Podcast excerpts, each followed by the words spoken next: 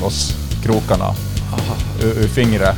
Men det gjorde att två av den där trekroken sätter sig i min högra hand. Eh, Men där träffar de inga nerver utan det är liksom...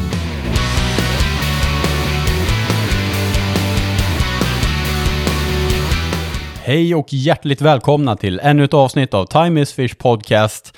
Det blir ingen reklam här så spola inte förbi. Jag vill däremot bara snacka med er i några få sekunder.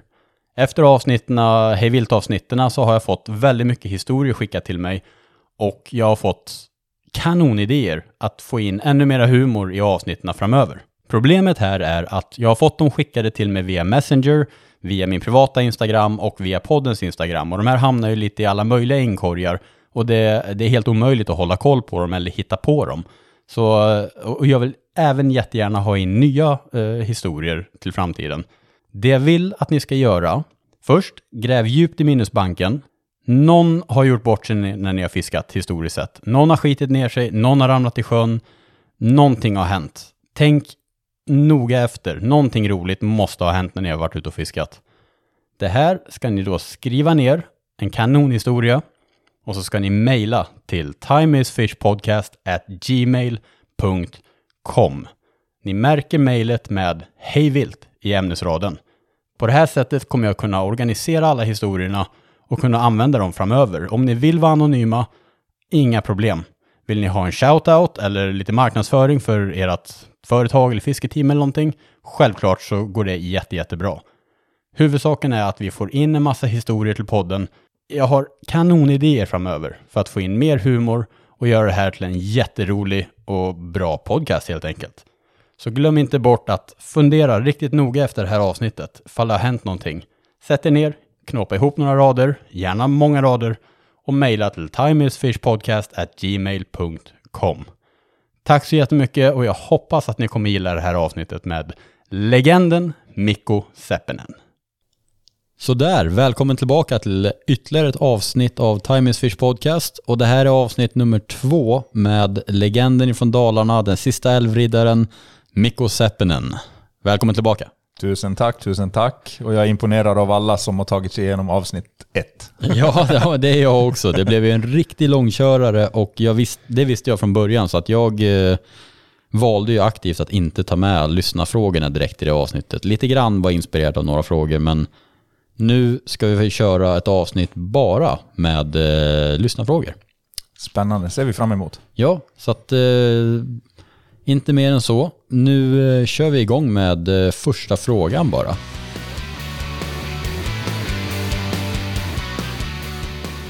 Simpel fråga.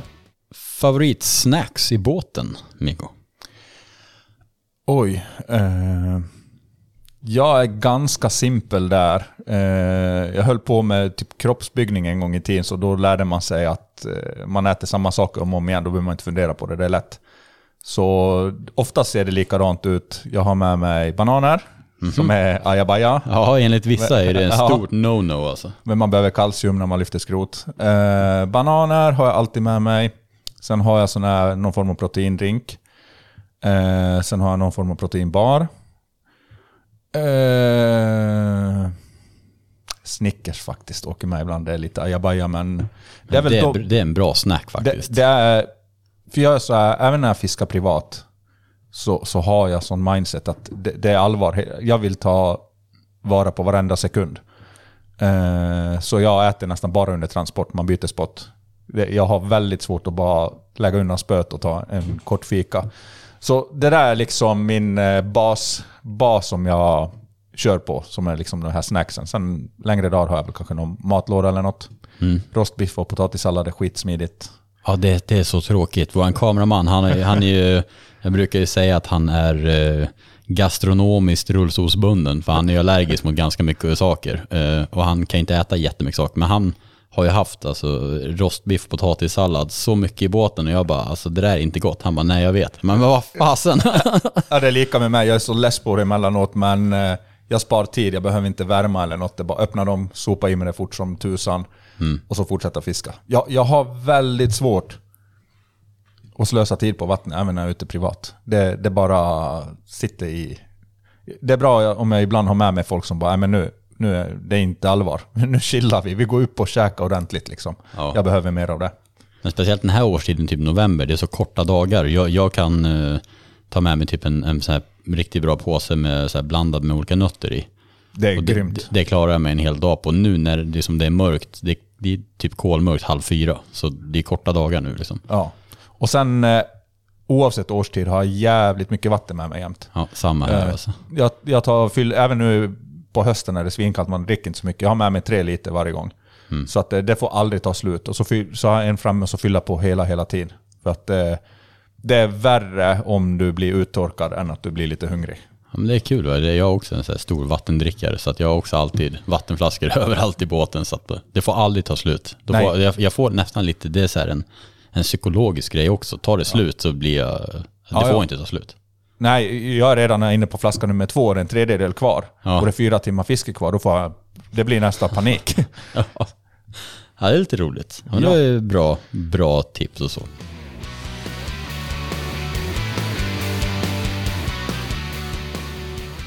Om du var tvungen att välja en årstid och metod för gäddfiske, vilken och varför? Eh, nu utgår jag ifrån att frågan är ställd att jag ska försöka få en stor fisk då, antar jag. Ehm, Ja, det får du bestämma själv, så att, eh, men förslagsvis då, eftersom det, det brukar ofta vi vara säger- ett mål. Om vi säger det roligaste. Mm, åh, det är svårt, allting är roligt. Det är ju jättekul att kasta stora beten på hösten. Det är spännande att pannbena tidig vår efter tröga fiskar. Men eh, lite med sommarhalvår, strömsatta vatten och, och kasta typ egentligen vad som helst. Spinnerbaits, jerkbaits. Det är ju kul. Eh, om jag ska försöka få en stor fisk jag älskar höstfiske och sådär, men titta på mitt resultat så förläggsfiske.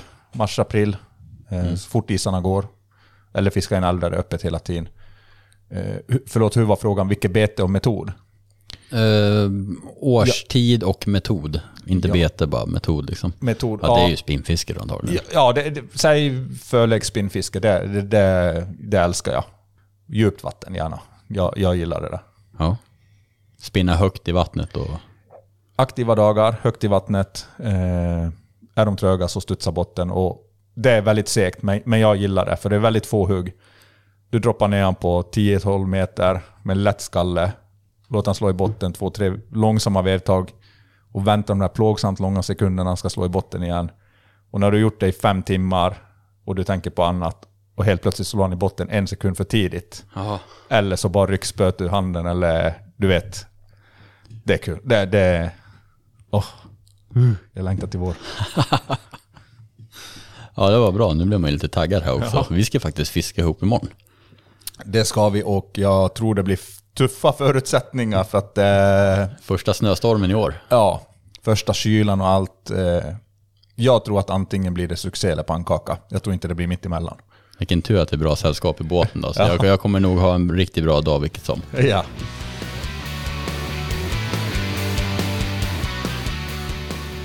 Saknar du att tävla i YouTube-produktioner eller är det skönt att bara fiska privat? Jag tänker också så här kanske att vara hela Rappala-grejen och med team och sådär då. Eller är det skönt att bara fiska privat nu för tiden?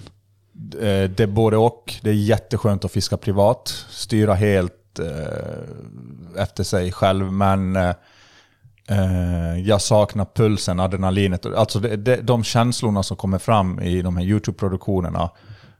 Det, det går inte att hitta någon annanstans i fisket. Så, så jag saknar absolut att vara med i produktionerna. Nu ska vi se, tappa bort mig. Ja, men alltså om, om du saknar att tävla i dem, eller är Ja, det te- skönt att bara fiska privat? Ja. Ja, eh, ja, jag saknar... Jag, jag har alltid trivts att vara med i ett team. Eh, för att du får bättre möjlighet och en större plattform att kommunicera med fiskare runt om i Sverige och världen. Alltså, ja, du når ut till fler med dina skrifter och sådär. Så absolut, jag saknar all, allt, allt det här och eh, det kanske blir en comeback någon gång. Jag har folk som har frågat och erbjudit grejer så vi får se. Spännande. Spännande. Mhm. Sen ska jag säga också att när jag la ut de här frågorna på Instagram, det har jag ju berättat för dig, eh, så att det, det, ni är jättemånga lyssnare som har skrivit liksom, hälsa Mikko att vi saknar honom, hälsa Mikko att vi uppskattar honom, vi har saknat dig. allt sånt där då. Och jag har framfört det till Mikko, vi har suttit och pratat om det här nu. Så att er, era, ska man säga, välmenande hälsningar, de har framförts till Mikko. Det har de gjort och eh, det värmer extremt mycket. Jag, jag, jag vet inte hur jag ska säga. Jag blir lite rörd men eh, det, det betyder mer än vad ni tror. Jag är Mm. jätteglad för varenda en som skriver någonting positivt. Nej, riktigt, eh, riktigt kul. Mycket kärlek och det, det gillar vi i sportfisket. Det kan man aldrig få för mycket av, eller hur? Nej, bara mer av det där.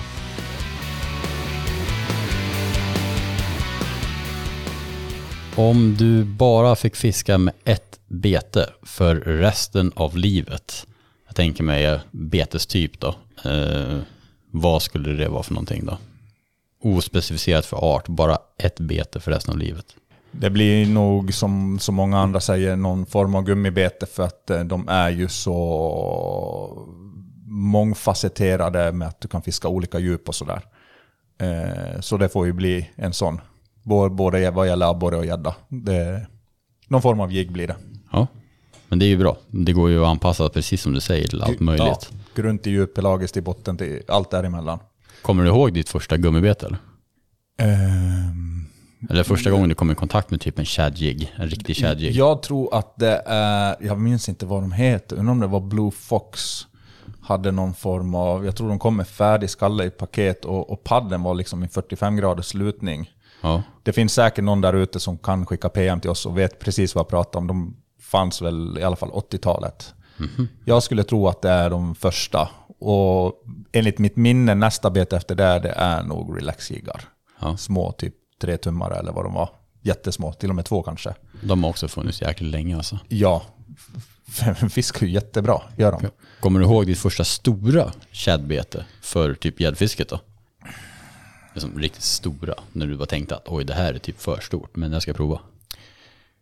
Spontant känner jag ju att det blir 6 tums relaxen. Okej, ja.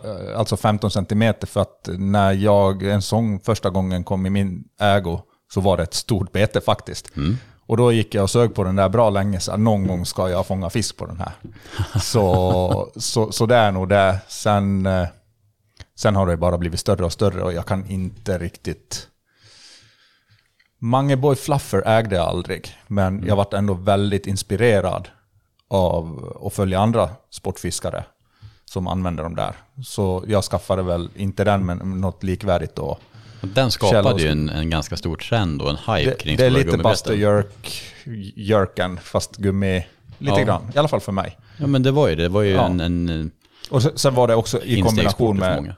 Att jag tror det var de som också började med shallow-skruven, att du fiskade den oviktat grunt. Det kanske det var. För en Ka- fiskares grunt, det vet jag. Ja, så jag... eh, Ja, precis.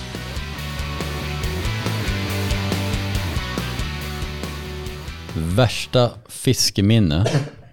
Sjukaste som har hänt dig under ett fiskepass. Värsta minnet är en krokskada i fingret som blev en nervskada som gjorde ont i, i, i ett halvår. Eh, var Vad ju hände då? då? då jag tog med min svåger. Han är magisk. Eh, jag tror jag har haft med han två, tre gånger i mitt liv i fiske. Och han har inom två minuter av fisketuren. Vi har inte ens börjat fiska så han fångar stor fisk bägge gångerna. Och han är så? ingen fiskare. Han, han har inte fisk, förutom de passen så har han ingenting. Jaha. Så jag tog med honom till eh, här omkring en ganska känd eh, legendarisk sjö, eh, Lisjön i Fredriksberg. Åkte vi dit, hyrde vi eka där av FVO. Ska åka till första spotten, det är väl en 15 minuters resa med två, takt, eller två hästar dit. Och han knyter på en Buster Jerk, är den här bra? Ja, den är bra. Och så slänger han ut den bakom båten för han, han tror att vi ska trolla liksom. Ja. Så jag bara, nej vi ska åka fram. Han bara, jaha, ja. Ja men kan jag låta han vara där? Jag bara, ja den typ studsar på ytan där. Vi åker ju säkert, jag vet inte, tre knop, fyra knop eller något. Ja. Och börjar åka ut från rampen och jag hinner, hinner inget långt alls. Jag bara, ja nu har jag fisk. Jag bara, "N- nej. nej. Och tittar på han och det, det bara står liksom spöet är böjt, det händer ingenting. Jag bara, nej men det, det är väldigt grunt, du, sitter, det, du är fullt med gräs eller något. Han bara, nej det är fisk. Jag bara, nej du, du har gräs, men vi åker och hämtar. Vi, så jag stannar och vänder. Och, och då ser jag också att det börjar pumpa. ta mig fan liksom. eh, och han kan ju inte säga om den är stor eller inte, för han vet ju ingenting. jag bara, är den bra fisk eller? Han bara, jag tror den är stor. Jag bara, men det kan han lika gärna säga med två kilo. eh, och så inser vi att det är en rätt stor, en fisk på 8,8. Oh, jäklar. Eh, så ska han landa den, eh, som man gjorde förr i tiden och man gör väl den idag, men jag har blivit försiktig efter det där. Eh, jag tar ihjälgreppet, Jörken hänger där, lyfter över relingen, den sparkar till, jag tappar fästet. En och tre krokarna sitter kvar i gäddans Åh. käft. Den andra går in eh, på ovansidan av ett pekfinger eh, på vänster hand. Eh, och så går krokspetsen in under nageln. Och så hänger gäddan där, den ramlar ner på durken, står och hoppar och min hand liksom flappar ju efter den där. Och, och jag känner hur kroken skaver här inne under nageln hela tiden. Då. Åh, vad vidrigt. så han, han, eh, han är ju också ovan och han har ju aldrig sett en sån där stor gädda.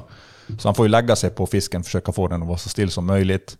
Och det, eftersom det är nerver, det gör ju direkt så jävla ont. Så jag får panik, som med höger hand greppar bara basten och så bara sliter loss krokarna ur, ur fingret. Men det gjorde att två av den där trekroken sätter sig i min högra hand.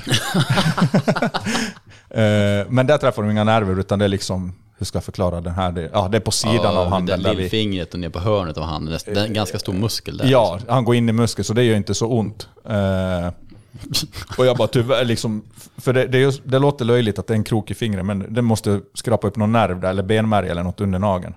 Det gör verkligen jä- jävligt ont. Så jag bara, "Aj, ty, tyvärr, vi, vi kan inte börja fota grejer, nu är det kris. Jag sitter fortfarande med två krokar i händerna.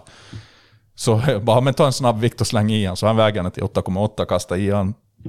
Idag är jag besviken på mig själv, jag kunde inte låta han ta en bild. men då var det, och då minns jag, det, vi, vi räknade på att det hade tagit inte, en, två timmar till Ludvika lasarett. För först ska vi köra in med den här lilla hyrekan och sen ska vi bila och, och så börjar vi dagen med en 8,8. Det är ju hett, vi, vi kan inte. Och han tycker så här, vi, vi måste åka så här så får de ta loss kroken och kolla upp det där, du har ju så ont. Och jag bara nej, nej, nej. Och jag, jag blir förbannad till slut. Jag får inte loss dem där när de gått in här i sidan av handen. Eh, det sitter så hårt så jag drar i allt vad jag har, men nej det går inte. Så till slut, eh, bara ta hit fisketången så får jag ju låsa den handen som Jörken sitter i, mellan, i knävecket. Så att det sitter på armen.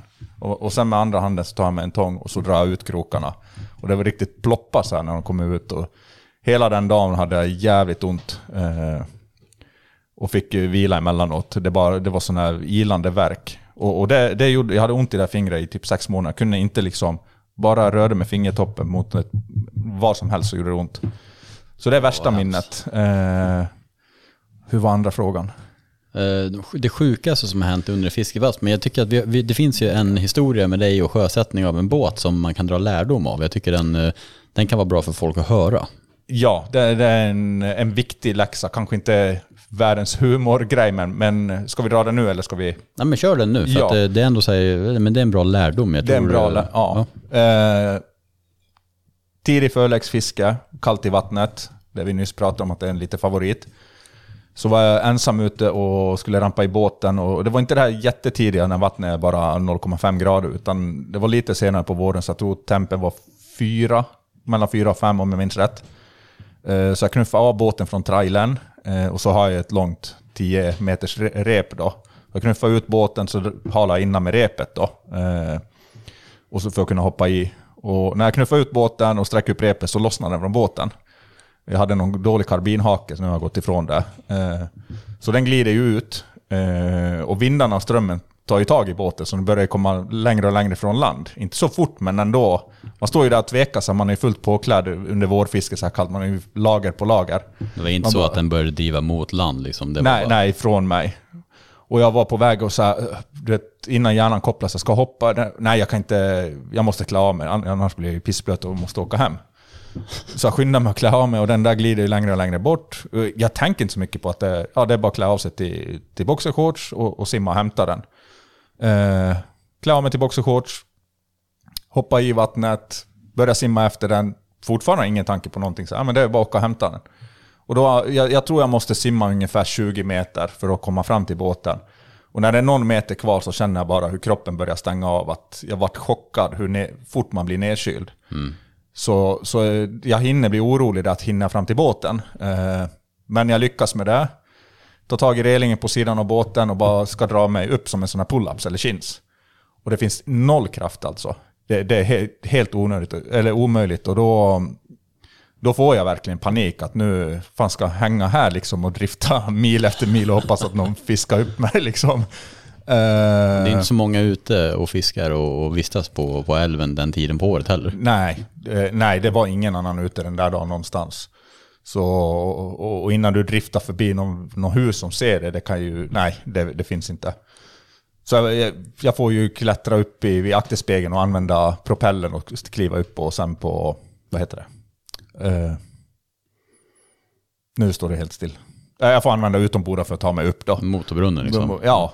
Eh, Det där är ett bra knep faktiskt för många om ni ska upp i båten. Alltså Ja. det bästa stället är att kliva på, på motorn på den här plattan. Det är, liksom, det är oftast det bästa. ja, det är den där plattan jag tänker på. Mm, ovanför kavitationsplattan. Yes. Ja, ovanför Ja. propellern där. Där- Använda den som en stege. Ja, för jag var helt chanslös. Jag var, det var en läxa för mig att hur fort du blir nedkyld. Mm. Visst, nu var jag ju naken också då, men, ändå, jag tror inte Men med lite kläder, det hade, hjälpt. inte hjälpt någonting. Det hade bara blivit jobbigare att simma. Ja. Så det, det, jag, det har alltid sagt att det där kunde gå riktigt åt helvete. Hade den blåst mer eller något, att det hade varit 40 meter, då hade jag haft problem. För jag tror, jag tror inte att jag hade kommit fram.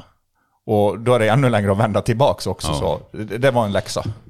Riktigt obehagligt. Och det, Ja. Men jag tycker det är så här, för att ramla i vattnet och sånt när det är kallt, det ska man inte vara rädd för. Det är ingen fara liksom. Mm, Bara hålla huvudet kallt eh, praktiskt taget och sen bara ta sig upp igen om man går Ja. igenom isen och sådär. Det är inte så Ja. farligt som många tror.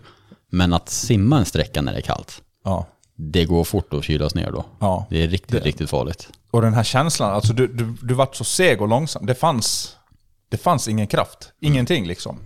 Det, nej, det var jäkligt försiktigt. Det är bättre i sådana fall. Låt båten drifta iväg och hämta honom vart han sen hamnar liksom. Det, det är en sån här grej jag vill poängtera, att man ska köra med dödmansgreppet på. Det är någonting jag alltid gör, oavsett vilken båt jag kör. Alltid på med dödmansgreppet. För ramlar man i och båten bara tuggar iväg på tomgång, du hinner aldrig ifatt den. Alltså, nej, inte en chans. nej, nej. Så Nej. att alltid dödmansgreppet. För att flytväst och sådär är all sin ära, men kommer du inte upp i båten igen, då dör du. Ja. Och det behöver inte vara så kallt i vattnet. Det tar inte så lång tid innan Nej. du blir nedkyld och inte kan simma. Så att det är viktigt. Och du har fått uppleva det från sin värsta sida där. Ja, det var en, en bra läxa. Jag har en helt annan respekt nu. Ja, så det, ja, men det tyckte jag var en så bra grej att lyfta fram när du berättade den här historien för mig igår. Att Det här kan vara viktigt att poängtera. Ja.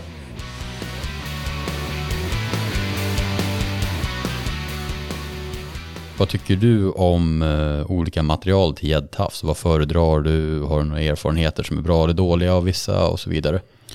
Eh, jag har testat eh, i stort sett alla material väldigt noggrant. Eh, idag kör jag uteslutande fluorkarbon. Jag skulle säga att du kan använda en grov mono i stort sett lika väl. De är lite mjukare sådär. Eh, och mitt sätt att knyta en stinger där jag smälter en tapp så, så passar fluorkarbonen bättre för det är ett hårdare material. När han återtar sin form så är det som en spikhuvud medan monon är lite mjuk. Men det funkar. Eh, Jag har provat den där till mono och den har faktiskt eh, gått upp. Den har gått, ja. Ja, jag, jag kör 1,2 mono. Och den, den har faktiskt svikit mig. Sen är jag inte helt säker på om jag har gjort exakt rätt. Nej, Men jag tror det, för du visade mig den en gång. ja. Men där är nog fluorkarbon bättre. Ja, jag, det är det jag kör. Jag har gått ifrån mono också helt. Eh, jag har helt slutat använda alla sådana här stålvarianter, titan, enkeltrådig, sjutrådig, 49 tråd, all, allt det här. Eh, för, att, för mig är de här materialen, de är jättestarka och tål emot tänder och så, men de är lömska för att har du någon form av försvagning, någon kink eller något, så är det inte säkert att du ser det. Sen bara går den av när du sätter mothugg.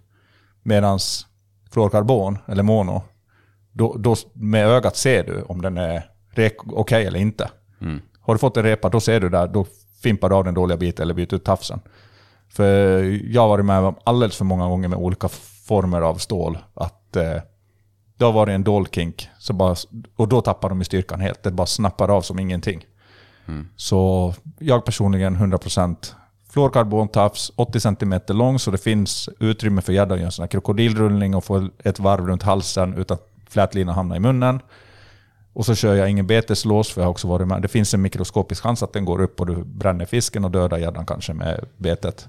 Så jag kör eh, fjädering och eh, lekande. Eh, och sen i andra änden gör jag den här, ja, det vi pratade om. Hur, eh, vilken dimension kör du? Eh, jag kör 1,2 eller ja, jag får tag i någon 1,17 funkar också. Jag provar en, går inte. Det, det kan gå av. Eh, 1,10 skulle jag inte känna mig trygg med. Det, det ska vara 1,20. Jag kör Och- 1,20 också. Jag har faktiskt Ja. aldrig haft den gå av eh, Inte jag heller. hittills. Men jag har ju kompisar som har kört så här 0,90 och sånt. Det är ju tunt alltså. Det, det, det kan man inte ha. Det, jag, tycker inte, jag, jag provade 1,05 en gång och tänkte fan det här är grovt. Nej, det, det gick av. Men ärligt talat, jag har kört det här nu, det är i alla fall 10 år, mer kanske. En helt, och jag till att den inte har någon skador, det har aldrig gått av för mig, 1,2. Men det finns en mikroskopisk chans. Eh, Jag känner några där det har hänt att en tand tar så jävla illa. Hände faktiskt eh, kompisen Jens Eriksson ganska nyligen. Eh, Han sa att han hade en helt sprillans ny tafs och den bara gick av eh, direkt i mothugget. Så, men men det, den tycker jag är, den är så beprövad att jag laborerar med jättemycket med tafsar förut och nu har jag kommit fram till att jag hittar hem. Jag, jag, nu behöver jag inte fundera på den biten, den, den är solid. Där är jag helt enig också. 1,2 mm. Jag, jag körde efter första resan till Sudan när jag fiskade GT. Då har jag kört den, för vi hade den till GT-fisket. Och då har jag kört den på gädda sedan dess. Och jag, för mig har den varit kanon. Men sen vet jag att vissa så här, kör inte med fluorkarbon eller nylon, det går av. Men oftast så är det ju folk som har kört så en millimeter och sånt där. Och Ja. Det är väsentligt mycket eh, tunnare. Ja, alltså i min värld är det no-no. Du kan lika gärna köra ut. Nej, alltså så illa är det inte, men nej, jag, jag gör inte det. Det, det håller inte. Jag hade faktiskt, eh, fram till eh, i år har jag aldrig haft problem med beteslås. Även om jag vet några kompisar som har haft problem med det. Så är det väldigt, väldigt, som du sa, det är mikroskopisk risk. Men jag hade i Finland nu faktiskt, eh, när jag och han nu rekade inför EFL, då åkte vi iväg en dag och bara körde privatfiske på någon vilodag tror jag det var. Och då brände jag en riktigt stor gädda. Och då kom beteslåset upp och den var öppen. Och då hade jag fiskat en del med den innan, så jag har inte bytt eller någonting. Så jag vet ju att jag inte hade glömt stänga den. Nej. Så där var det verkligen att eh, den kommer väl fel i munnen på gäddan och då kan den öppnas liksom. Ja. Men det är verkligen, verkligen en liten, liten anledning. Men det där har ju satt otroliga spår i huvudet på mig. Ja, ja. Och jag anser att eliminera alla risker. Ja, nej, jag är helt enig i det faktiskt. Så att, eh, det där med lekande fjädering, det är lite bökigt men det är någonting jag antagligen kommer att applicera. Jag, jag tyckte också det var bökigt till en början, att det tog mer tid. Men, men nu har jag kört så i så många år och så har jag alltid en fjäderringtång precis i närområdet. Så idag byter jag, när- alltså jag offrar inte många sekunder på att göra det här bytet, men den kanske räddar mig från en drömfisk en vacker dag. För beteslåsen har inte gått upp jättemånga gånger för mig heller, men det kanske har hänt fem gånger i mitt liv. Det är fem gånger för mycket tycker jag. Ja, för, för det finns, det ett mycket. ja, finns det ett alternativ där det inte kommer att ske, då ser jag ingen anledning till att... För jag tycker man ska ta alla så här små detaljer på fullaste allvar. Checka fjäderringarna. Börjar du få en liten glipa för att du har bytt bete för många gånger, kasta, sätt på en ny. För det ger det 0,1%. Eh, Den här knuten ger det 0,1%.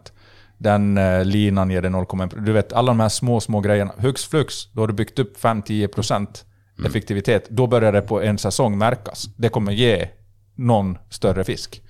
Så många bäckar små.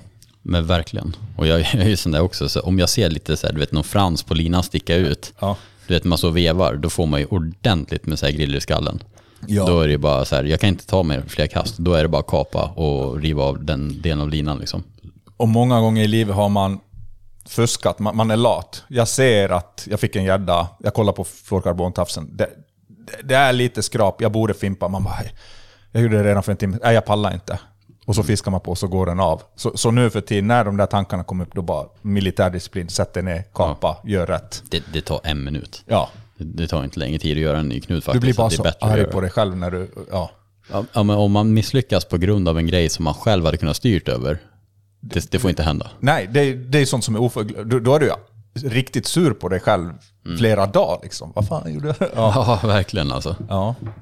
Nej, men kul, eh, kul att vi är överens där också. ja.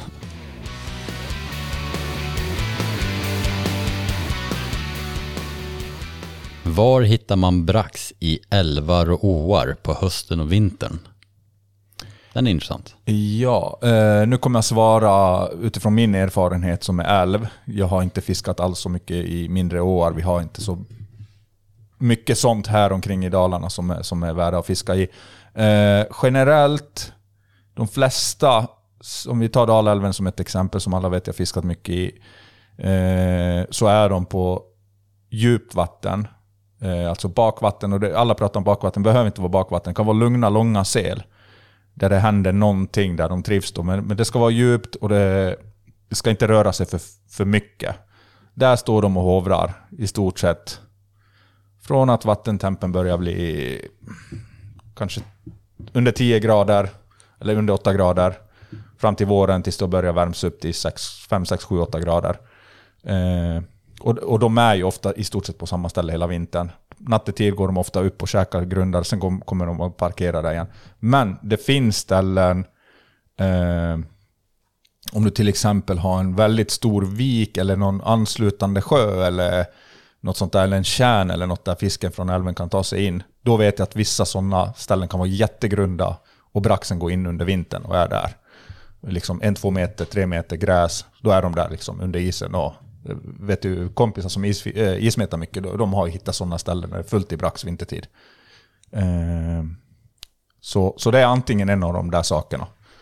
Hmm, det är intressant, för det är två vitt skilda typer av områden. Vitt skilda, ja. ja. Men är det den här dikestyp av älven, du, du vet, när det inte händer mycket, den är typ samma bredd, mil efter mil efter mil, svänger lite och blir lite snabbare, ibland lite grundare, lite djupare och lugnare, eh, då är de generellt på de djupaste områdena. Liksom tar du en sträcka på två mil, kolla vart har du det allra djupaste eller näst djupaste lugna selet. Det får inte vara för, liksom vissa bakvatten, det snurrar för mycket. Eh, de vill inte ha det i kylan.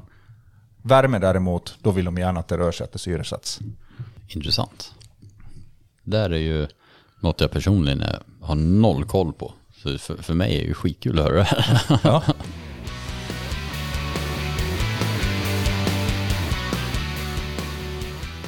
När du kommer till en ny spot, som du inte har varit på, vi, vi förutsätter att det här är gäddfiske, det specificeras inte. När du kommer till en ny spot, vilken typ av bete använder du oftast som första bete? Oj, det här, det, vi, vi pratade ju lite om det här tidigare, du och jag, utanför mikrofonen. Att eh, det, det, beror så himla mycket på vilket vatten och årstid. Eh, när det är ny spott djupt, eller pelagiskt fiske, eller någon djup kant eller djup grynna eller något sånt där, då blir det ju ofta att man börjar med någon gummibete. Då är det lätt att reglera djupet, eh, hyfsat långa kast och sådär. Eh, söker jag av ett vatten första gången lite grundare, eh, då gillar jag spinnerbaits. Och gärna med haspelspö så jag får extra kastlängd, täcker mycket ytor, veva fort, söker av stora områden. Hela tiden är jag vaken på brytande mönster. Liksom är det någonstans som blir lite grundare eller står en hög med stenar eller lite tätare gräs eller nedfallna, vad som helst. Uh, så då lägger jag mer fokus där, sen driftar lite fortare däremellan. Men där funkar ju också alla beten bra, men, men spinnerbaits är hett i det. Mm. Uh, det, det, det, det är en jäkligt svår fråga att svara på för att det är ena vattnet kanske det är givet att jag tar ett gummibete, medan det något annat vatten skulle vara att jag tog något annat. Mm. Men... Eh, ja, det är en tuff fråga. Alltså, ja, den, den, den, är, den är, så väldigt, bred. bred. Den är väldigt bred. Vi skulle kunna prata fyra timmar om det där. Mm. Och det var de här frågorna som jag nämner för dig nu, de har inte du sett innan, men jag visade dig några av frågorna som, som jag hade fått och berättade dem och typ sa att okej, okay, den här är typ omöjlig att köra idag. Ja. För att de var för ospecifika. Det kan ni ta också, ni lyssnare som har skickat in frågor. När, I kommande avsnitt, eh, om man ska fråga någon, var hyfsat specifik med frågorna. För att, att fråga så här, hur gör ni i en ny sjö under en hel dag? Alltså, den frågan, jag har inte hundra timmar på podden än. Alltså vi, det, det, är för stora ospecifika frågor. Det går liksom inte riktigt att hantera. Eh, så att man måste tyvärr välja bort de frågorna. Så att vara lite mer specifik. Kanske nämna art eller lite mer specifik med frågorna. Ja. Det... Så att jag har ju valt ut lite mer frågor som är specifika här som att vi faktiskt kan, som man kan avklara hyfsat. Mm. Och även som den där frågan, som sagt, vi, vi hade ju kunnat prata om det jättelänge med. Vi försöker ge, hålla, få med fler frågor nu, mm. istället för att låsa oss på en. Ja, men vi har, eh, det är ju inte jättemånga frågor kvar här nu, men Mm. avsnittet är 33 minuter långt än så länge. Så att, Ja, det har redan gått så långt. ja, ja. men det, blir, det är kanon alltså, Ja. för att det här avsnittet, eh, det kan inte vara tre timmar. Det, det var sista nu- avsnittet. Ja.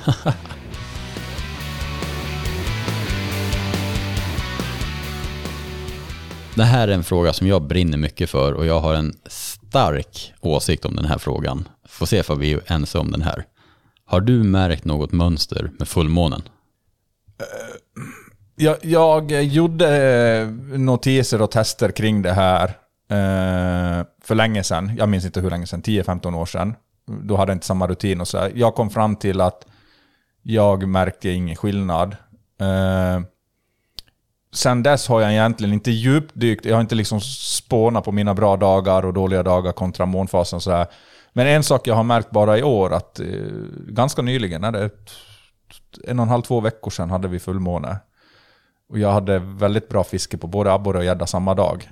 Eh, och eh, jag fick en, en hyfsad gädda eh, och så riggade jag upp kameran, var ensam ute, ska ta en selfie. Och så reagerade jag bara på att vi hade den där jättefina runda månen. Så, så jag har faktiskt ganska nyligen tänkt att jag måste börja studera där. Så jag har inget, jag har inte bestämt mig. Jag kan säga så här också, vet, du vet att det var två andra grabbar som hade jävligt bra gäddfiske den dagen. Jag vet att många hade, Mm. Ja. Fullmåne. Och Ja. för, något, för två år sedan så hade jag med en av de där grabbarna ett fantastiskt gäddfiske. Det var också fullmåne. ja. Vi, jag tror, alla, vi, vi tänker på samma grabbar va? Ja, exakt. Ja. Och nästan alla mina riktigt stora gösar är fullmåne. Ja. Många av mina riktigt bra gäddpass överlag är fullmåne. ja. Sällan något ösfiske. Ofta ganska segt, men Stora. stora. Ja. Det, det är min erfarenhet och den har varit den har, den har stämt så många gånger så jag är en stark, jag har en stark tro att fullmånen gör att större individer blir aktiva. Och jag vet ju också, eftersom jag kör så mycket bil, man märker väldigt tydligt att djur är mycket mer aktiva. Du ser mycket mer djur kring fullmåne. Jag är alltid mer vaksam när jag kör bil då.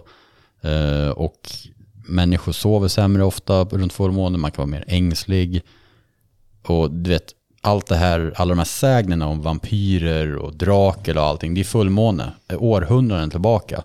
Det, vi styr så, eller styr så mycket, men vi påverkar så mycket, även djuren. Och jag tror ju att, jag tänker mig att egentligen alla fiskar blir mer aktiva vid fullmåne. Men de små håller sig borta för de stora är ju aktiva. Fisket blir segt och det är ofta i anslutning till kalla perioder när det är fullmåne så att fisket kan bli lite segt. Men de stora är ju ute och jagar. Ja. Det, Det är min tanke. Jag, eh, jag skulle säga att när jag gjorde min bedömning om det där så hade jag inte tillräckligt med erfarenhet. Jag har en magkänsla av att jag, jag kommer hålla med dig om jag gr- grottar ner mig i det där. För gösen har köpt sedan länge av, av duktiga gösfiskare. Jag är själv ingen duktig gösfiskare jämfört med, med de duktiga i landet. Eh, så där har jag bara accepterat på vad folk säger. Gädda har varit lite mer så här, mm, jag vet inte om jag märkt så stor skillnad. Men, men jag har pratat med flera riktigt tunga killar som har resultat att backa upp, som säger precis som du gör nu. Nu har du sagt det, Håkan Fransson har för mig, om inte missminner mig, sa likadant. Och så här. Eh, jag ska ta en funderare på det här och, och jag tror att, eh, att eh, det kan ligga... De säger att masken är också sådär. Det blir en Mm, att jätteskillnad. De, de har mycket tankar kring det där också tror jag. Ja. Det har jag inte hört det själv, men jag vet en polare berättade för mig om maskefisket och sådär och, och deras Mm. tankar kring det. Men eh, när jag var som mest aktiv med gösfisket där runt 2014-15, då la jag också märke till mycket på sociala medier när alla rapporter kom in. Och det var där jag egentligen började märka det och började an- analysera mina egna. Att det var ofta kring fullmåne som man såg väldigt mycket rapporter om storgös. Eh, Och sen har jag lagt märke till det där eh, under alla år efter då, att det även stämmer vid gädda och sånt. Abborre har jag inte så stor erfarenhet och har inte reflekterat över så mycket, men gädda och gös, jag en stark, har en stark tro om det faktiskt. Det som ofta har blivit svårt, som den här dagen som jag nu nyligen hade så bra på både abborre och gädda. Eh, så förutom att det var en, en, sån här, du vet, en sån här stor måne också, eh, så var det en ovanligt varm kväll för den årstiden. Så, så- så jag får två faktorer där som att, var det månen? Var det, eller var det slumpen? Eh, eller var det värmen? Men eh, jag, den här typen av frågor uppskattar för jag får utmana mig mina egna sanningar och eh, jag ska rannsaka den där och jag, kom, jag, jag har magkänslan att jag kommer hålla med dig. Nej men det blir intressant att höra kanske om ett år eller någonting om du har funderat lite mer på det. Men jag tycker det är en väldigt intressant fråga och, och eh, fler och fler liksom snackar om det tycker jag. Det är det här som är det bästa med att, att lyssna på andra sportfiskare och ta inspiration och diskutera och så här för att du kan inte göra allt jobb själv. Vi, vi människor blir inte så gamla så att vi hinner varva spelet ensamma utan eh, bara vi spelar ju in både den här tre timmars avsnittet och det här avsnittet samma kväll. Eh, jag har lärt mig flera coola saker på den här korta tiden. Det är kul att vi kan bolla lite idéer och att, Ja. eh, att vi kan eh, hjälpas åt lite grann. Ja, Och det är det fiske handlar om. jajamän. Nej det är det inte, det är fånga fisk. Men det är kul om man kan hjälpas Ja, men åt. det ska låta bra utåt.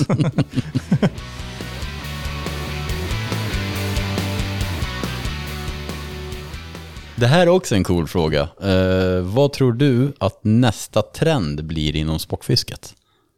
Det där är en svår fråga för att vissa trender genom tiderna så kan man ju ana sig fram. Man börjar se tendenser kanske i något annat land eller något och ibland blir man överraskad.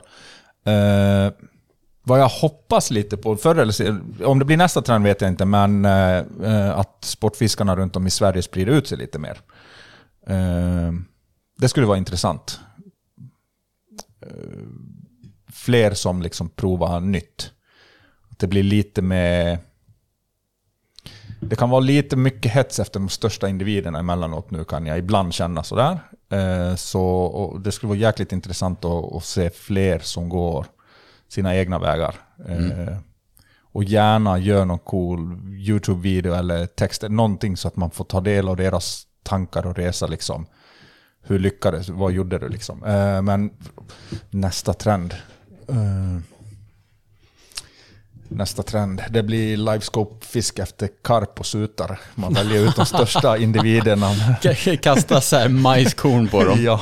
Men alltså det här med att liksom eh, åka runt i ett vatten och leta efter stor individ, det har ju karpfiskare gjort i, i hur många år som helst. De vet ju exakt vilket vatten den stora bor i, så åker alla dit och fiskar. Och så fångar de samma karp som heter Ja. Sofia eller någonting. Nej, ja, vad tror du? Nu, nu är första gången. Nu, vad tror du är. Du är mer också med i branschen de sista åren, så du har nog mer fingertoppkänsla än vad jag har just nu. Jag tror att eh, någonting som du också har banat väg för, men eh, eh, jag tror ju, inte för att stoppa dig i eh, skymundan nu, men eh, jag tror ju att eh, mörkerfiske faktiskt kan öka ganska mycket. Och då menar jag inte bara med, eh, med eh, det här som du gör, det här hardcore spinnet, utan jag tänker också mycket på vertikalfisket, livescope-fisket, eh, generellt. Blomander har gjort det här i många år och nu har det ökat som tusan ner i Holland eh, sista åren. De har ju lyckats brutalt bra med det där, på, gäddfisket speciellt. Eh, I de här stora vattnena som är extremt hårt fiskade. Där lyckas de ju nu på nätterna. Och jag tror ju att det där kan komma till Sverige så att vi har ju påtryckningar från olika håll. Vi har bland annat vi ser mörkerfiske från Tommy Blomander i många år. Du har börjat uppmärksamma det väldigt mycket nu. Folk ser att du gör det. Så att jag tror ju att man ser ju den här inspirationen från flera och med tanke på att vissa vatten blir hårt fiskade och sådär, då tror jag att mörkerfiske kan bli någonting som fler och fler provar. Så jag tror att det kan bli, det, det är inte för alla, men om man ser det till det också, att det går faktiskt att kombinera med vardagligt liv, att du kan åka ut efter jobbet och ändå ha ett gäng effektiva timmar och sånt. Så jag tror också att det passar in lite i samhället. Så jag tror att det kanske kan bli en ökande trend. Faktiskt. Jag håller med dig 100%. Eh, hade jag tänkt ett varv extra, hade jag haft tillräckligt med tid på mig så hade jag nog faktiskt eh, kanske kommit fram till det. För att eh, bara i år har jag sett hur, hur mycket det har ökat faktiskt. Fler och fler nya ansikten på Facebook och Instagram dyker upp med inte bara en utan återkommande stor, stora mörkerfiskar. Och, eh, det, det är väldigt effektivt. Alltså, jag är helt övertygad att många av de här riktigt stora individerna, du har 90% bättre chans att få dem i mörkret. Nej, det, det, det, det håller jag med dig om helt. Jag tänkte, jag, jag är gammal. Jag hänger inte med i trenden. nej, nej, du, du vadå, jag hänger inte med. Du, ju, du har ju hållit på med det här i flera år, så Ja. du har ju varit före alla med den här trenden. Så vadå, Ja, men det är ju- gammal och inte hänger med? Ja, men du, då blir du, det du, ju du är ju OG i det här. Då blir det ju snarare att, vad, vad är det för ny trend? Det är ju, ett decennium gammalt. Mm, men för att Ja. det ska bli en trend så måste flera göra det. Ja, faktiskt. Så att det, jag- jag, jag- är otrendig, jag bor ute i skogen och bara kapsla in mig. Nej, men jag tror att eh, vi kommer se fler bilder på folk som inte behöver radera bakgrunden på dem. Det är jättetacksamt, för så är det. Jag, jag, eh, jag vet att folk tittar ju på bakgrunderna. Och jag har alltid sagt, varit helt öppen med det, så det finns inte en bild där inte mina bakgrunder är redigerade. Eh, ja, så det, det är så snällt med nattfiske. För du behöver inte göra någonting. Nej, Du bara color grade eller någonting, liksom bara snygga till bilden. För det är, alltså ändra bakgrunden när du har mardrömsbakgrund med, med väldigt talande, alltså det är ett jäkla pill. mm, om det ska bli en snygg bild. Om det, ja, och jag, ja, lite vill jag anstränga mig så. Det är roligt, jag hade en gång, jag, gjorde, jag skapade en bild. Ja. Eller jag skapade en bakgrund, jag ändrade den totalt. Och så hade jag en kille som skrev till mig bara, visst är det där? Och han drog till med någon plats. Eh, Och jag tänkte direkt så här, men nej, nej. Och sen började jag tänka på, för jag visste vad det var för plats han menade.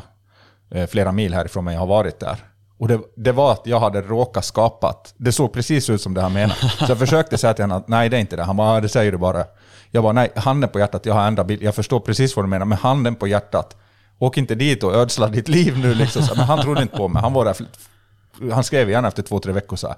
Nu har jag varit där flera gånger i veckan. Jag får ingenting, jag fattar inte. Jag bara, men, det, var det var inte det. Så, ja, Det ja, det, det var lustigt att ja, jag bara råkade... Jag skapade typ en, en udde eller en ö liksom i bakgrunden. För, Mm. ja, och, och det såg precis ut som... Eh, sen, sen får folk tycka vad, vad de vill om liksom, men... Eh, Nej, men ibland, Det- alltså det, man kan inte ha uppenbara Nej. saker i bakgrunden. Det är ju inte... nej. Det är helt ologiskt. Det är som att någon skulle lägga ut sin svampställe. Det gör man ju inte. Liksom. Nej. Inte, inte när det är för uppenbart. Det Nej. är bara konstigt. Jag gjorde fa- faktiskt en rolig bild en gång. Eh, Det är typ ingen som har uppmärksammat den. Ni kan ju gå igenom min Instagram och se om ni kan hitta den. Men eh, det finns en bild på mig med en gädda, vårgädda. Det är kallt som tusan. Spinnfiskad. Och bakgrunden var så himla uppenbar så att jag bara, det här går inte. Men det var en jättefin gädda, typ en 8 kilo eller någonting. Och bara, den här är ju fantastisk liksom. Nej, jag måste eh, bara klippa bort landremsan liksom. Så hade jag en bild från Vättern eh, som jag hade fått en röding och då ligger det tre grabbar i en båt en bra bit bakom mig där jag fick rödingen. De ligger i bara överkropp och fiskar röding liksom. Eh, så här 25-30 grader varmt i luften. Så jag bara, äh, tog den och det är så här Granvik man ser i bakgrunden på bilden. Syns knappt egentligen, men det är ju en tunn landremsa. Så jag bara klippte in den där bakom eh, den här, på den gäddan som jag la ut. Så att om man tittar riktigt noga då kan man se den där, eh, då kan man se de där tre grabbarna i bara överkropp. De är under huvudet på gäddan och ligger i en båt där bakom. Och jag sitter i wintersuiten i februari och en stor gädda typ. Det är Nej, det var lite roligt. kul. Men annars, jag, jag ändrar inte bakgrunden. Jag kan ta bort om det är något så jättetydligt litet hus eller någonting bakom. Det kan jag ta bort. Och det är ju det är liksom av respekt för, det, alltså oftast är det inte för mi- min egen del, men det är ju av respekt för kanske de som fiskar ofta i det vattnet som jag har varit i eller någonting. Det är liksom, det kan låta kanske larvigt, men Ja, men, men vissa ställen så har du slitit jävligt hårt för att hitta den spotten med de fiskarna. Ge- Ger du bort den gratis, någon, någon, någon tar över den eh, utan att ha gjort något förarbete och, och tar räntan av det arbetet, då kanske du får lägga igen två, tre års sökande. Så, så även privat så, så ska man vara lite rädd om... Jag, jag brukar alltid, liksom, folk skickar ibland eh, bilder till mig privat. Så här, "Åh, vad kul Mikko, kolla vilken fin abborre jag fick förra helgen. Jag brukar alltid gratulera och, och sådär. Och, och märka då att de lägger ut och så här, Jag brukar tipsa om att vara försiktig liksom. För han bara, det är så kul, ingen fiskar här, jag hittar så bra, jag fått tre kilos borrar förra... Ja men, sh, nu. Tyst. Visa inte det här. Det är liksom... För... Ja, det... Ja, det, det där är kontroversiellt, men jag mörkar mina bakgrunder. Det, ja, så nej, men det är ingen idé att visa det helt öppet. Nej. Det blev en, en utsvängning ordentligt från den där frågan. Ja, Nästa trend inom fisket. det kanske blir att inte mörka bakgrund. Eller bara klippa in kungahuset bakom varenda fisk man fångar.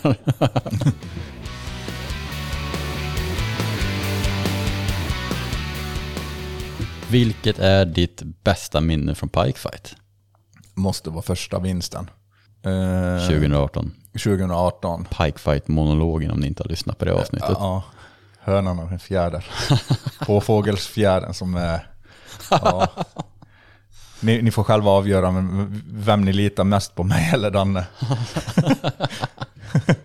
Eh, nej, den, hela säsongen var spännande, gick bra. Känslan vi hade i båten och liksom hela grejen. Men sen, eh, sen när vi känner att vi för första gången har chansen att vinna nu, vi är, vi är på dag tre. Och Holger har fått den där 118 centimetern och, och vi känner att vi har slaglängd. Men där är det inte klart utan vi har ett bra resultat men vi har inte fyllt pappret. Stannar vi där, vi fyller inte pappret, då hjälper det inte. Och, och jag, snacket går ju bort en till meterfisk, en till eh, över 100. Då känns det här bra. Och så får jag den där på 114. Och allting i dig säger ju liksom att game over. Vi har 118, 114, hun- jag minns inte, 107, undrar om vi har fyra vid metern. Och så har vi någon typ 80, jag minns inte, men där känns det som att nu, nu har vi vunnit. Och sen kommer den här pessimisten i, sitter på axeln eller i bakhuvudet här och bara malat. Ja, jag vet, ni var bra oroliga innan prisutdelningen. Ni gick runt som två stycken, alltså ni såg ju helt...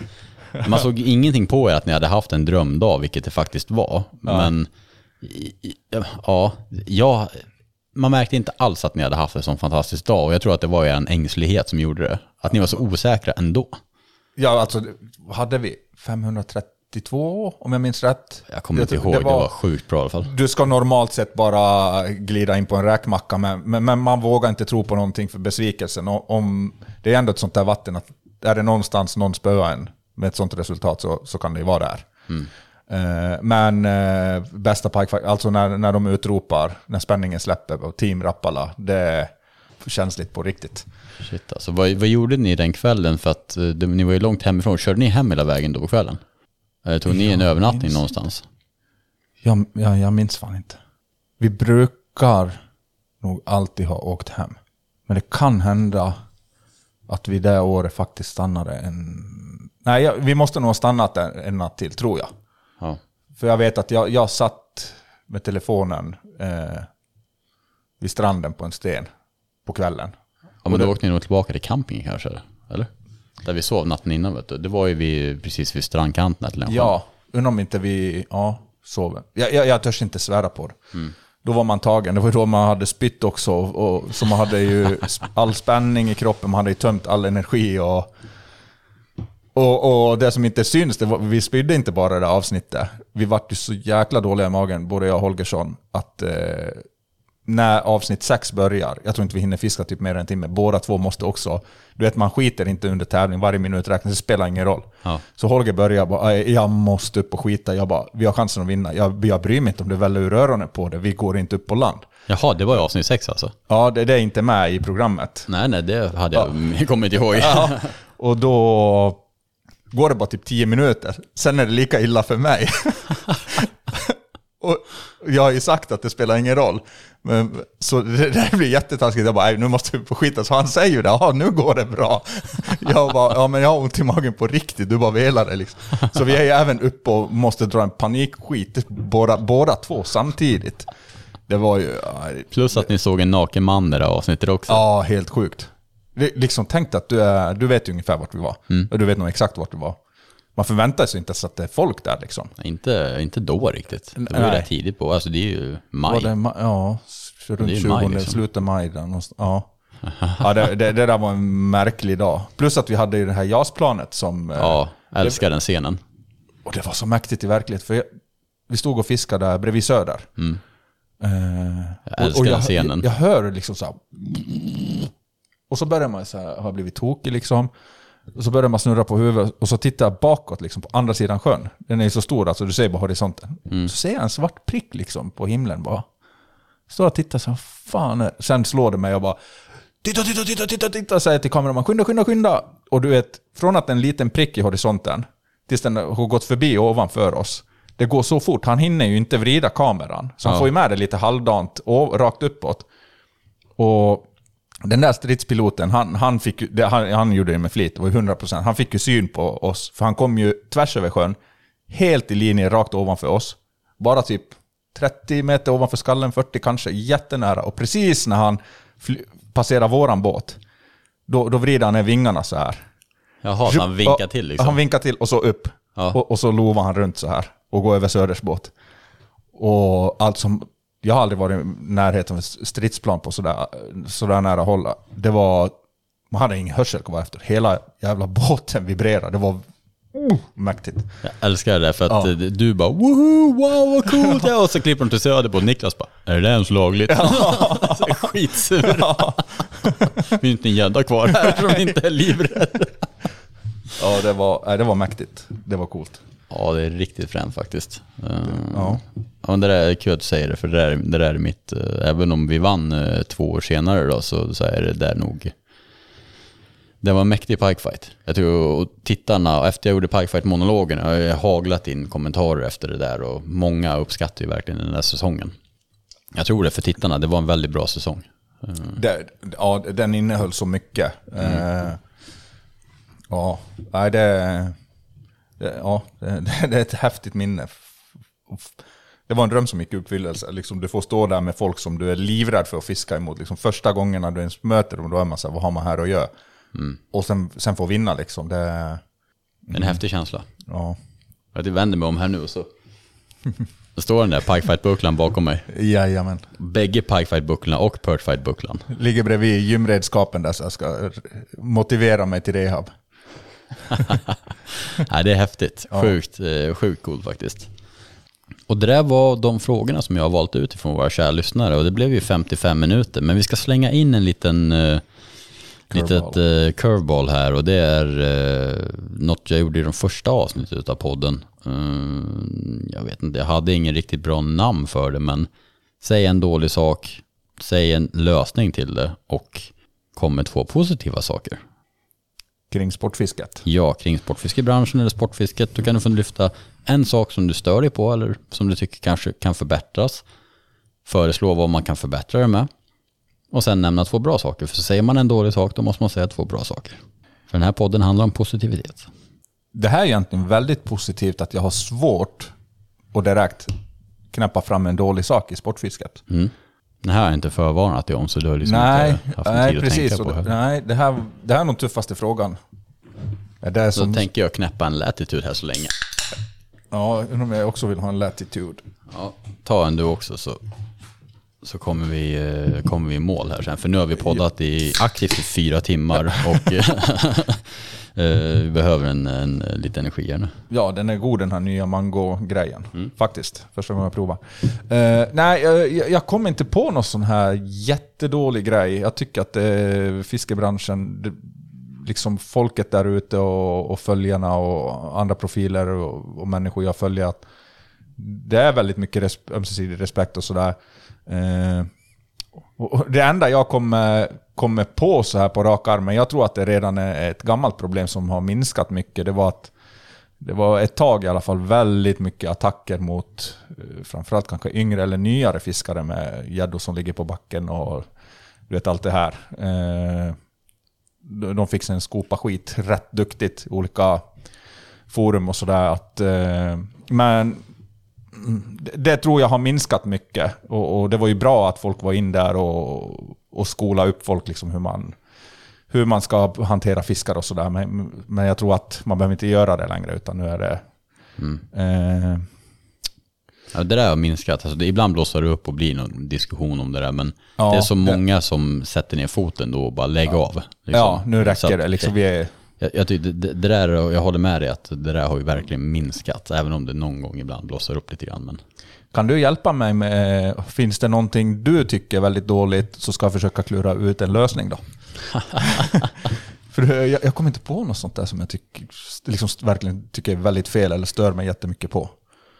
jag stör mig bara på en sak egentligen. Och det är så här, egentligen är det samma sak som jag stört mig på i många år. Och det är folks egentligen, för det jag älskar med sportfisket och jag har nog sagt det rätt många gånger i olika sammanhang och sådär, det är att sportfisket är så himla mycket olika. Det, sportfiske är inte en grej.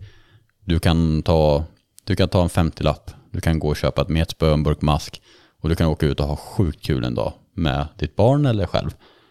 Det är få sporter där du kan egentligen bara utan några ekonomiska medel kan åka ut. Och i Sverige, vi har så fantastiskt här. Jag har varit i andra länder, dit. jag var i Italien nyligen och fiskade. Alltså det är så bökigt att bara få fiska med tillstånd och allting. Vi kan bara knalla ner vart som helst via ifiske eller fiskekort.se. Köpa fiskekort. Du kan gå till en mack och köpa en fiskekort. Du, du kan fiska i våra största sjöar och sådär. Du kan fiska gratis. Det är så enkelt. Och du kan ta med dina barn. Och du kan göra det med så små eh, lätta medel och ha så roligt. Eh, eller så kan man ta det till extremen. Kan stå här ute i älven en novemberdag och fiska i mörkret som en psykopat. Och du kan spendera en miljon på en båt. Du kan åka runt och tävla. Du kan eh, åka med livescope och fiska. Du kan åka med tio spön och trolla på Vättern och fiska. Fiska är så jäkla olika. Du kan åka och fiska GT, du kan åka och fiska sailfish, du kan åka och fiska Hälleflundra i Norge. Allt det där är bara fiske. Och fiske är precis vad man gör det till. Och jag tycker det är så fantastiskt. Största problemet jag ser i branschen, eller i fisket överlag, det är att folk inte respekterar det att fiska är olika. Att man säger så här, du åker runt och liveskapar, du är en fuskare, du kan inte fiska, och så blir folk sura. Eller säger, du är ute och trollar med massa spön, det är fusk. Du gör så där, det är inte fiske för mig. Fiske för mig är det här. Alltså, lägg av. fiska är olika för alla och det är det som är det fantastiska med det. Man kan inte säga att det där du gör är fel. Man kan säga till sig själv, fan vilken tönt, det där tycker jag är tråkigt. Men håll det för dig själv, för det är bara du som tycker det. Behöver inte säga till någon annan att den är sopa eller fuskar eller är dålig eller vad det nu än är. Fiske är så himla varierande och det är det som gör det fantastiskt. Men det skapar ju mycket reaktioner och jag tycker att det är så jäkla tråkigt att se osämjan som blir när alla bara älskar fiske. 100% jävligt bra. Jag satt här bara och nickade hela tiden till allting du säger. Eh, ja, lösningen, det blir ju lite grann som det där som jag nämnde nyss också, att dåliga kommentarer. Mm. Liksom att lösningen där är precis som du sa, att man kan tycka saker både inom fisket och annat i livet. Man behöver inte alltid säga det högt och tydligt. Mm. Eh, för att, framförallt inte om du med flit ska trycka ner en annan människa. Mm. Det, alltså det, det, uppskattar jag absolut inte. Det, det har, ser jag någon bete sig sådär på ett fiskeforum på Facebook eller något, då, då ska den personen veta att de tappar respekt hos mig. Mm. Eh, och eh, ja, det här med, med liksom utrustningshets och sådär. Min bästa fisk i år har jag tagit med nylonlina, ett gammalt gammal rulle och gammal spö. Liksom. Mm. Man kan både lyckas och jävligt kul med. Man behöver absolut inte ha de värsta grejerna. Eh, tro inte om du är en ung fiskare liksom att hur populär eller omtyckt du blir beror på vad du äger och mm. vad du använder. Eh, hos mig får du mer respekt för, för att vara, köra ditt egna race och vara genuin. Mm. Än att du, du liksom spelar för gallerian eller vad man ska. Um, men, men, men, det känns som att det, det, går ju lite det här med taskig attityd. Och lösningen är väl helt enkelt att lägg ner. liksom. Ja, respektera att fiska olika. Ja, respektera det. Tyck om någonting, säg det till polarna, håll det för dig själv eller något. Mm. Du behöver inte skriva det Alltså på ett forum som typ Svenska gäddfiskare eller vad som helst sånt där, är det tusentals människor som ser vad man skriver. Mm. Offentligt förnedra en annan människa. Nej, nej, kom igen. Mm. Det... Nej, det är, så, det är bara så tråkigt att läsa liksom, eller tråkigt att läsa. Det skapar ju så mycket onödigt eh, tjafs liksom. Och jag tycker bara det är så tråkigt. Det, det skapar ju en negativ känsla kring, eh, kring mångas eh, största fritidssysselsättning och hobby och det de brinner för och älskar. Ja. Och det är bara, tänk dig själv vad tråkigt att få höra det. Ja. Vilken start på karriären. Jag ja. brinner för det här. Du bara blir nedtryckt i skorna liksom från dag ett. Nej, det... Jag tror det är viktigt att vi sportfiskare måste hålla ihop och ha en god ton med varandra för att en vacker dag kommer vi bli ställda mot väggen vad vi håller på med. Ja. Och om alla som fiskar, spelar ingen roll om du inte livescopar eller livescopar eller vad man nu gör. En vacker dag så måste vi stå till svars för vad vi gör. Och det är inte helt enkelt med den hobbyn vi gör. Alltså, jag tror att vi måste hålla ihop och eh, ha en god ton sinsemellan och utåt sett. Det är viktigt i dagens samhälle. Och jag tycker att som en så kallad fiskeprofil då, liksom, att du har mycket synlighet och folk ser upp till, till dig. Så att du, med, med allt sånt, liksom, kända idrottare, politiker eller något sånt där, du, du ska ju verkligen föregå med ett gott exempel. Mm. Det, det, tycker jag, det anser jag nästan vara det viktigaste uppdraget man har. Både gentemot dig själv, dina följare och företagen du samarbetar med och sådär. Att, eh, nej men, ja, det, det väl, har väl alltid varit, eh, inte bara i modern tid, mycket avundsjuk också i fisket. Eh, jag tror mycket bottnar i det. Är du avundsjuk på hur någon har lyckats, vet du vad? Då jävlar tar du dig själv i kragen och går ut och fiskar ännu bättre än den personen. Ja, men det är tyvärr, jantelagen existerar ju också i, Ja. inom fiske. Ja. Ska vi nämna två bra saker då? Uh, Okej, vad är kontentan av det där? Håll en god ton, respektera att alla tycker olika. Ja.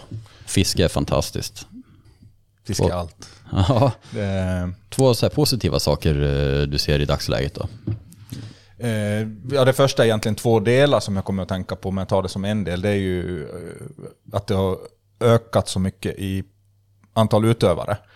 Det, det medför så mycket mer. Det, det, finns, det, det genererar fler duktiga som man kan inspireras av. Få en större spridning med sätt att tänka och personligheter. Eh, desto fler som fiskar, desto mer omsättning blir det i branschen. Vilket genererar mer bra produktioner, eh, poddar, videos, allt möjligt. Sånt som vi alla vill ha. Kvalitetsgrejer som är underhållande och eller eh, utbildande. Så, så det tycker jag är jättepositivt. Eh, jag har varit lite off nu i, i, i två år sedan ryggen small, så, så jag, jag är inte så här trender och... Eh, mm, ja, men fler utövare. Ja, men jag, jag måste ta upp det också som en positiv grej som hängde ihop lite med det negativa där. Att jag tycker på de offentliga forumen att tonen har blivit lite bättre. Och Något jag tyckte var skithäftigt, eh, som jag först hörde av en kund som var in på jobbet för ett par veckor sedan bara. För om någon har missat det från förra avsnittet så jobbar ju du på jakt i Falun Ja, nu för tiden. jajamän. Där kan ni hitta Mikko, eh, ja, Kan, kan, kanske, kan, ja, ja, precis. Just nu letar jag nya jobb för jag fick gå ner på 50% där, så när, beroende på när avsnittet sänds då, Mm. så kan det ha ändrats. Men eh, vi utgår från det. Eh, då hade jag en kund inne där som berättade en grej som du tog också upp igår i telefon med mig. Mhm. Eh, och det var de här abborrfiskarna i Malmö kanal. Ja, helt fantastiskt. Ja, du sa precis som den där kunden, nu tar jag kunden här först då, att eh, han kom in i butiken, han hade varit där nere första gången i livet, jag tror han var med i någon tävling. Dessutom, tävling då är det ju skarpt läge, man, man är ju fiender. Eh, men eh, han sa att han var så jäkla chockad, för han är här från Dalarna. Eh, en kille som inte fiskar så... Jag, jag tror inte han har fiskat jättemycket, det är ingen jag känner då. Men han sa att när han kom ner dit, direkt var alla andra fiskare kommer fram och snackade, nyfikna vart, vem man är, vart man är ifrån. Och sen började de hagla med tips. Hej grabben, kör det här betet. Låt han sjunka tre sekunder. Här, kasta där borta. De, liksom, de gjorde sitt bästa för att den här personen skulle lyckas. Och eh, det kan jag inte säga att jag kanske känner igen från hemmaplan. Jag har aldrig sett det någon annanstans. Nej, det, det, är helt man, sjukt alltså. Ja, man är ju mer hemlig. Jag själv är ju mer hemlig. Men det är Så- speciellt i tävling också. Ja, ja det är Det är ju det som är så fantastiskt där nere. Så liksom, när man hör sådana där historier eh, så värmer det. Jag tycker det är så tråkigt för Malmö har ju ett väldigt dåligt rykte om man säger Malmö. Alltså, det, det klingar ju inte bra med tanke på medias, alltså med hur mycket skit som händer i Malmö. För det, är ändå, det händer jävligt mycket illa där nere. Så när jag kom ner dit förra året, första gången och var med på Gigantens eh, Street Perch Challenge, Street Challenge eller någonting heter det. Så hade jag ganska så här, vi får se vad det här blir liksom.